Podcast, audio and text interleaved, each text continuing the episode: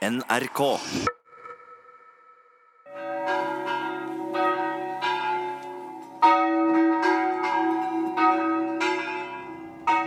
Kling no klokka, ring og lokka, ring og lokka fra tusen tårn. Ring og lokka fra tusen tårn.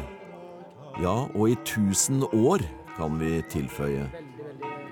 Museum har vært på det første nasjonale seminaret om kirkeklokker.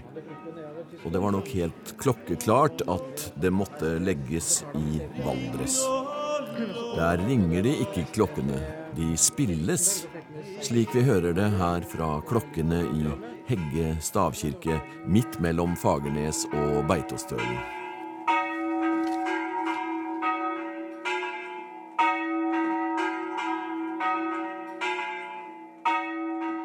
Klokkene i Heie det har en veldig fin klang og en annen rytme enn det som er vanlig rundt om. Ja, forklar det. Den, eh, de slår eh, altså Han svinger klokkene helt opp, slik at de på ene sida så stopper de. Da slår de en gang. Du svinger den andre klokka etter den vi slår en gang.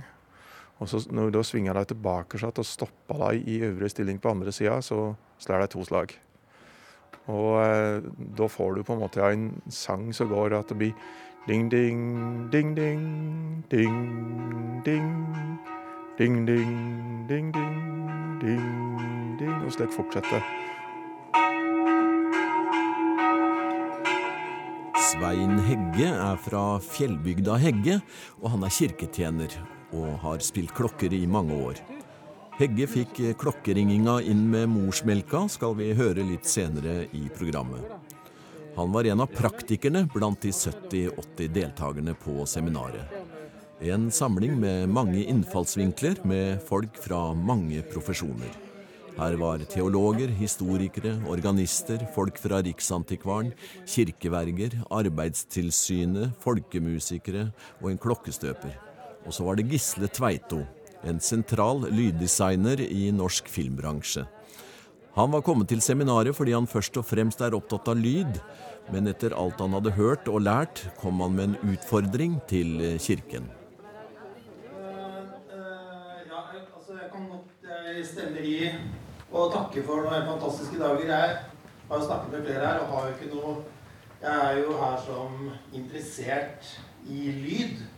Og interessert i det, på en måte det kulturhistoriske i, i eh, kirkeklokkene. Og det har slått meg når vi har hørt dette her, at, at, eh, at Kirken faktisk har et, altså Dere sitter på en enorm eh, verdi i kirkeklokkene og det det faktisk utgjør som et eh, signal, som en lydidentitet. Det brukes eh, enorme summer rundt omkring for å skape lydidentiteter.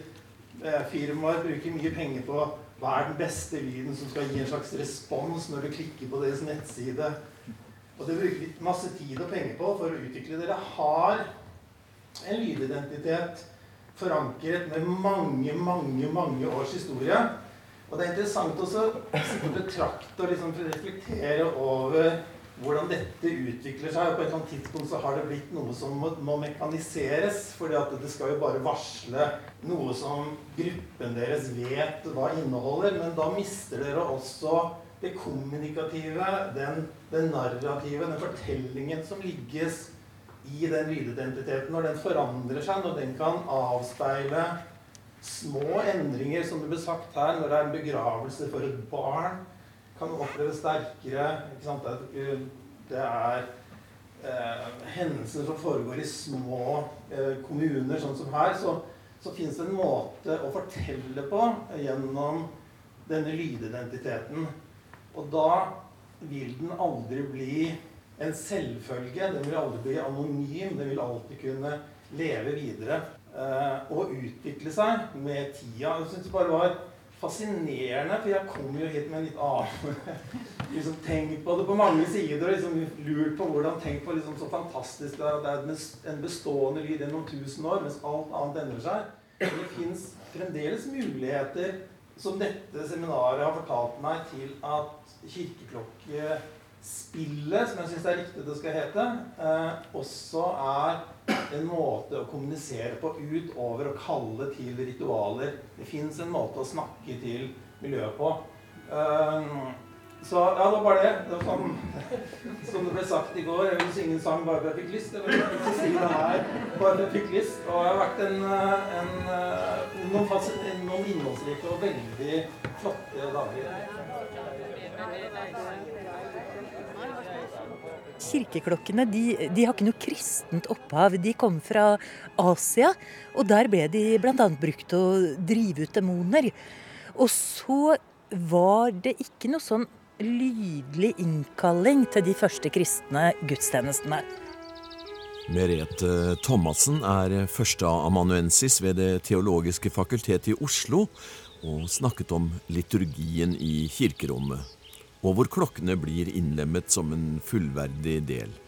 Men først skal vi høre ferdig legenden om hvordan klokkene fant veien til kirken for 1500 år siden. Eh, de første kristne levde jo i skjul, og det var først når eh, kristendommen ble riksreligion på 300-tallet, at, eh, at den kunne virkelig begynne å gjøre mye lydelig ut av dette. Og da tyder det på at uh, måten man kalte sammen på, det var å slå på blikkplater. Og det finnes en legende om biskop Paulinus av Nola i Campania. Han registrerte da at de kristne gikk rundt og slo på blikkplater, eller på metallplater. Og det var den samme måten som hedningene innkalte til sine samlinger på. Og det skar biskop Paulinus i hjertet å se at de kristne måtte kalle sammen på samme måte som hedningene. Skjønner. Ja, så fikk han, han fikk en visjon. Han så noen små klopp, små blomster som var forma som klokker. Og så det at englene kom og satte lyd i disse klokkene, så det ble en vidunderlig klang ut av dette. Og så fikk han da sin nabo, som var smed, til å forme klokker av metall. Som eh, da hadde form etter disse klokkene. Og så ble det de første det ble, ble de første kirkeklokkene. Og det historiske forelegget for dette det er sannsynligvis bare tull og tøys, men det er en veldig vakker legende. Men siden har klokkene vært en hørbar del av kristendommens tilstedeværelse. Her i landet i tusen år. Men som liturgisk del, hvilken funksjon har klokkene da? Kirkeklokkene de er en del av liturgien. De er ikke en innledning til gudstjeneste, men de er en del av gudstjenesten. Og det å knytte det sammen, det var utrolig morsomt å få en anledning til å gjøre det. Fordi det er noe vi veldig sjelden snakker om.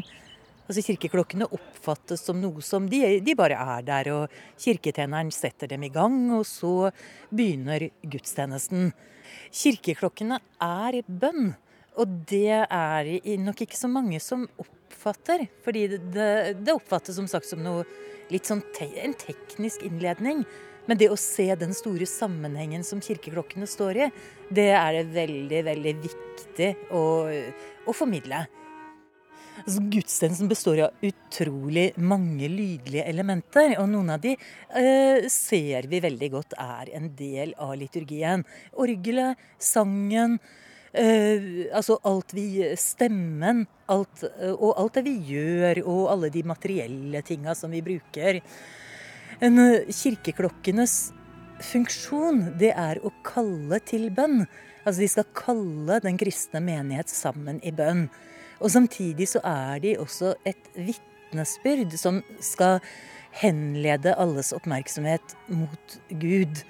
Og det er liturgiens funksjon. Det er å være i bønn og rette oppmerksomheten mot Gud.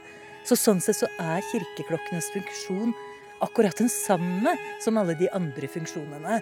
Museum er på Fagernes og på Valdresmusea, på det første nasjonale seminaret om kirkeklokker. Det er stort fokus på kirkeklokker og ringing i denne dalen. Som vi har hørt tidligere, så spilles det på klokkene i Valdres. Ikke en eneste kirke har automatisk ringing. Henning Andersen er en viktig talsmann for å betrakte kirkeklokker som instrumenter. Han er selv utdanna klokkenist, han er kirketjener og ikke minst folkemusiker. Som et svakt lydteppe har vi hørt han spille en klokkelott etter sagnet om Thomas-klokkene. Klokkelotter finnes bare i Valdres. Opptaket ble gjort i Nord-Aurdal kirke da museum lagde et program med ham i 2009. Og nå skal vi høre litt på denne låten.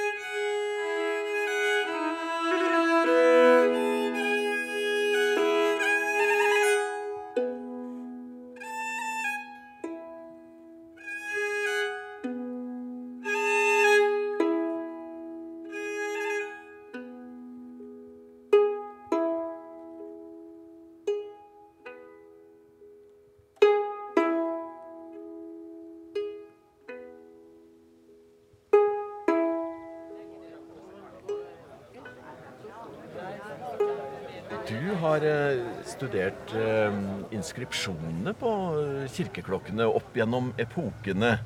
Hva, er den første inskripsjonen på den eldste norske klokka? Altså, Vi har fire klokker fra, som, kan, som kan plasseres i enten 1000- eller 1100-tallet. Og Den eneste av de som har innskrift, den henger i Fitjar kirke. Der eh, er det en innskrift på latin. Og den sier egentlig kort og godt at det var Absalon som støpte klokka. Det var altså Absalon som var klokkestøperen. Men så sier innskriften eh, at eh, 'jeg kaller folket hit til kirka'. Altså kirka har et egennavn. Den snakker for seg selv. 'Jeg kaller folket til kirka'.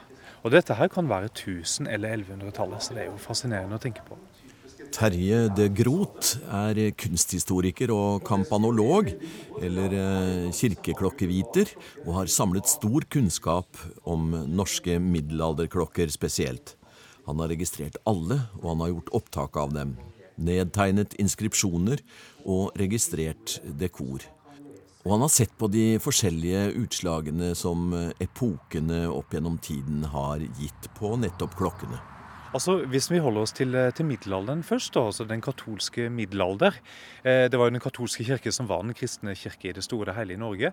Og det, Da vil vi jo se at veldig mange av innskriftene de, er, eh, de tar jo for seg selvfølgelig eh, treenigheten. Gud Fader, Jesus og Den hellige ånd, selvfølgelig, men også helgener.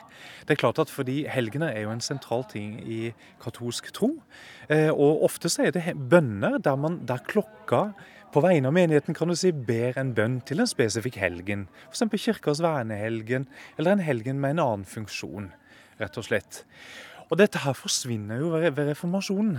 Det gjør det jo. Eh, I folkedypet så lever jo helgentroen ganske lenge, men i det offisielle så forsvinner jo den. Og da blir det mer eh, Ja, hvis vi går, hopper videre til barokken, da, for å si det sånn, så er det jo, da er det jo eneveldet som er det sentrale, med kongen på toppen. Og da er det ofte sånn at i innskriftene så uh, nevnes jo Gud Fader, selvfølgelig. Ja, ja. Men så er det jo da hele øvrigheten. Ja. Det er kongen, det er, det er, hvem som var borgermester, hvem var biskop, hvem var Et veldig hierarkisk samfunn, og det avspeiler seg veldig i innskriftene fra barokken. Så, eh, og sånn skifter tidsperiodene. Det gjør de. Eh, etter hvert så, så, blir innskriftene enklere. Det gjør de. Og utsmykkinga er jo enklere hvis den kommer opp til vår tid. Det er vår tids smak. Ja. Så dette her har skifta veldig, altså. Det har det. Så man, man, kan på en måte lese tidsperiodene inn i klokkenes innskrifter og utsmykking. Du har vært rundt og sett en del klokker, du da. Ja, Hvordan det... har du jobba med det? Nei, altså Det har alltid vært en interesse for meg, men jeg var så heldig å få et uh, prosjekt eh, som var leder av eh, Fortidsminneforeninga, men støtta av KA, Den norske kirke, og Riksantikvaren.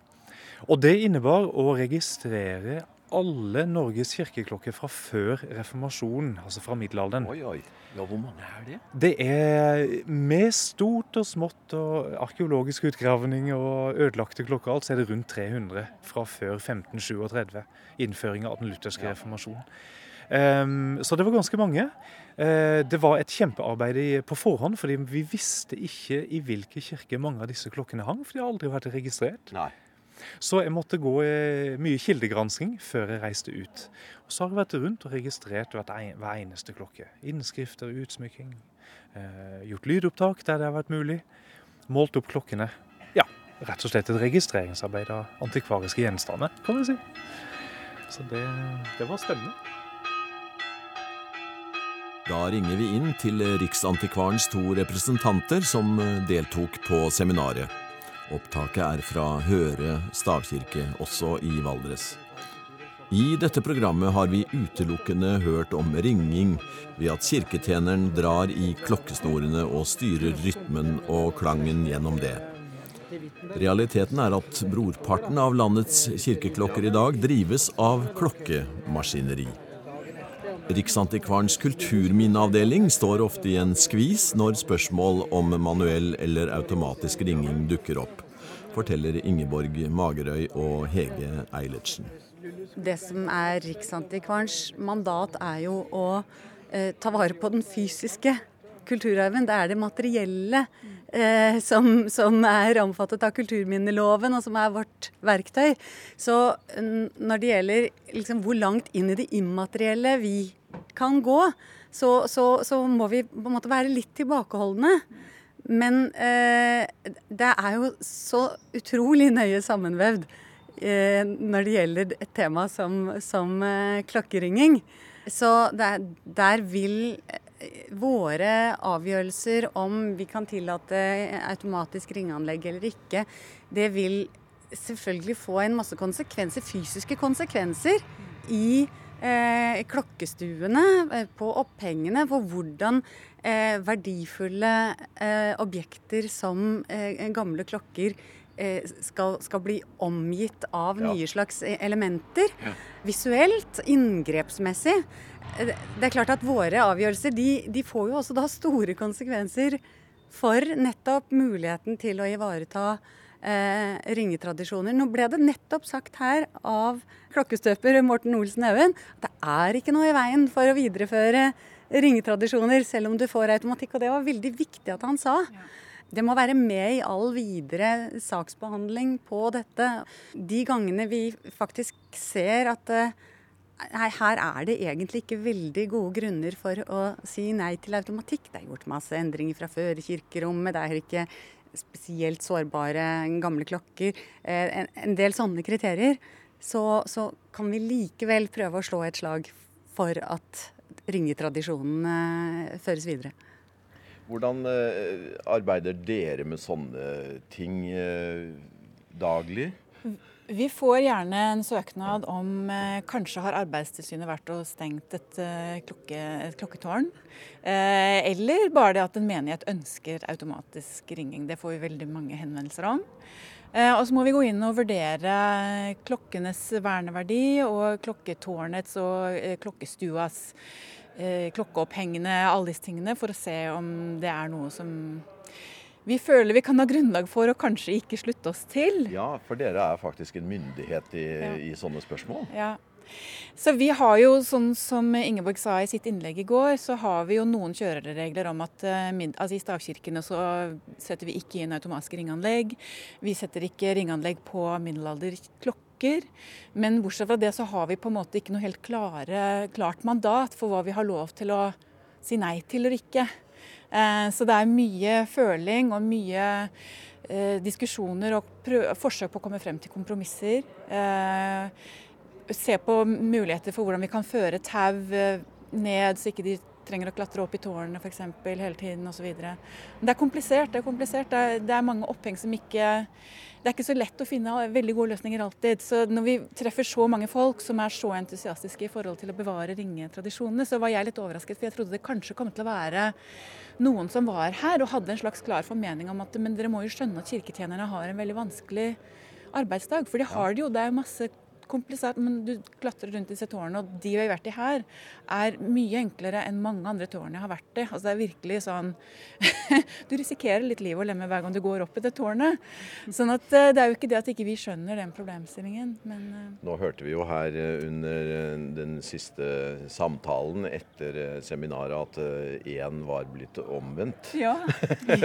Fra automatringmann til han hadde endra syn her. Og det kan kanskje forstå etter å ha vært her i to dager og ikke minst hørt disse eh, praktikerne fortelle om sitt forhold til det å ringe med kirkeklokker. Ja. Det gir, eh, eller ga meg, i hvert fall meg et helt nytt perspektiv. Jeg vet ikke hvordan det var med dere. Jeg fikk frysninger på ryggen. Jeg har ikke hørt akkurat sånn før. Fordi man hører mye om at, at det er bare tull. At, kan, at noen kan høre forskjell på om det er manuell ringing eller automatisk ringing.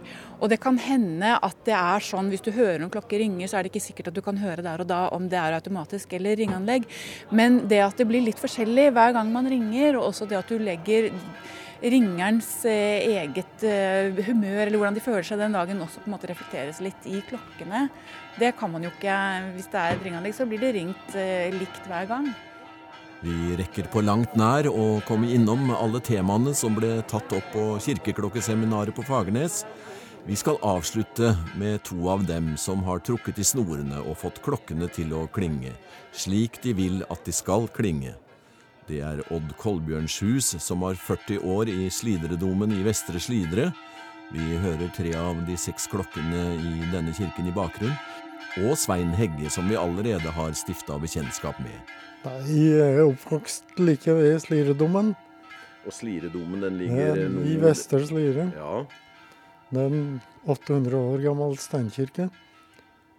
Og begynte, var med bestefaren min der tidlig. Og fikk et forhold til klokken og ringingen der. Og fikk opplæring av gamle spellemenn som hadde ringt der i mange år. Så det er liksom forholdet mitt til det. Jeg har ringt der i over 40 år. Det var mange ringere som var spellemenn. Det var musikalske, så det hadde vel kanskje et forhold til hvordan jeg ringte. Tror jeg. Hvilke følelser har du hatt når du ringer til Det er jo alt fra begravelse til fest. Til begravelse legger en litt mer uh, følelse i det. Og prøve å ringe litt mjukere, kanskje. Og som uh, en eldre mann kom bort til meg og sa at det er akkurat som klokken gret, sa han. Når det ringte til begravelse. Det er en fin tilbakemelding å få. Ja, det er veldig fint. Da har vi gjort noe som jeg syns passer. Vi har lært av gamle folk før oss. Så små så vokste vi opp ved Høykirke. Ehm, stavkirke som ligger midt i og Fagernes og Beitostølen. Og eh, oppå der så eh, var det jo slik at de småungene skulle legge ligge og hvile midt på dagen. Vi ble jo trilla ut, og det var vel sikkert det at det klokkehuden der var med og, og både roa oss, og vi fikk det inn med ja, morsmjølken i en øyruden. Jeg vet ikke hva hun får en øyruden.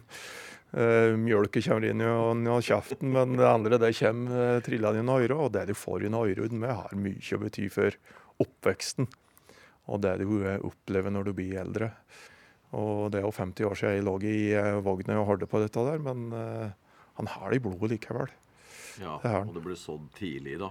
det har vært sådd tidlig, ja. ja. Si. Nå fortalte dere også om at i gamle dager så kom folk og var med og ringte når det var fest, for det skulle ringes lenge, og det kreves krefter. Ja, f.eks. å ringe inn jula. Da ringer vi én time. Og I sløytedommen så er det seks klokker alt i alt. Og da ofte kom det kom ti-tolv ungdommer og var med og ringte da. Og står i kø nesten for å ringe? Ja. Har det, det endra seg, det bildet der? Det har forandra seg veldig mye. Så nå er det vanskelig å få med nok, nok folk til å ringe inn jul på rette måten, som ringer med seks klokker. Men er det noen i dalføret her nå, uh, yngre mennesker, som på en måte er interessert i å, og vil være med? I Østre Slidre så har vi hatt det slik at konfirmantene får lov til å være med og lage til eh, Messuden. Altså det skal være en del av eh, konfirmantopplæringen deres. Da tar de med fra helt timesringing før messa skal begynne. Vi rusler opp i og har de med på den kirkeringingen. De får prøvd seg. Noen blir jo livredde og drar i tøget, og det går i alle retninger. Hytt og pinne. Men jeg har opplevd at det er mange ungdommer som er flinke til å ringe. De eh, klokkene i Vølbo er jo lette å ringe med. Eh, de er lette å ta, men du skal forstå det likevel. Og jeg opplever nok det at det, selv om jeg har ringt i elleve år oppi der, så er det nok ungdom som gjør det minst like godt som meg. De får klokken til å synge fint sammen. Og det varierer ifra person til person hvordan du får klangen fram i klokkuden.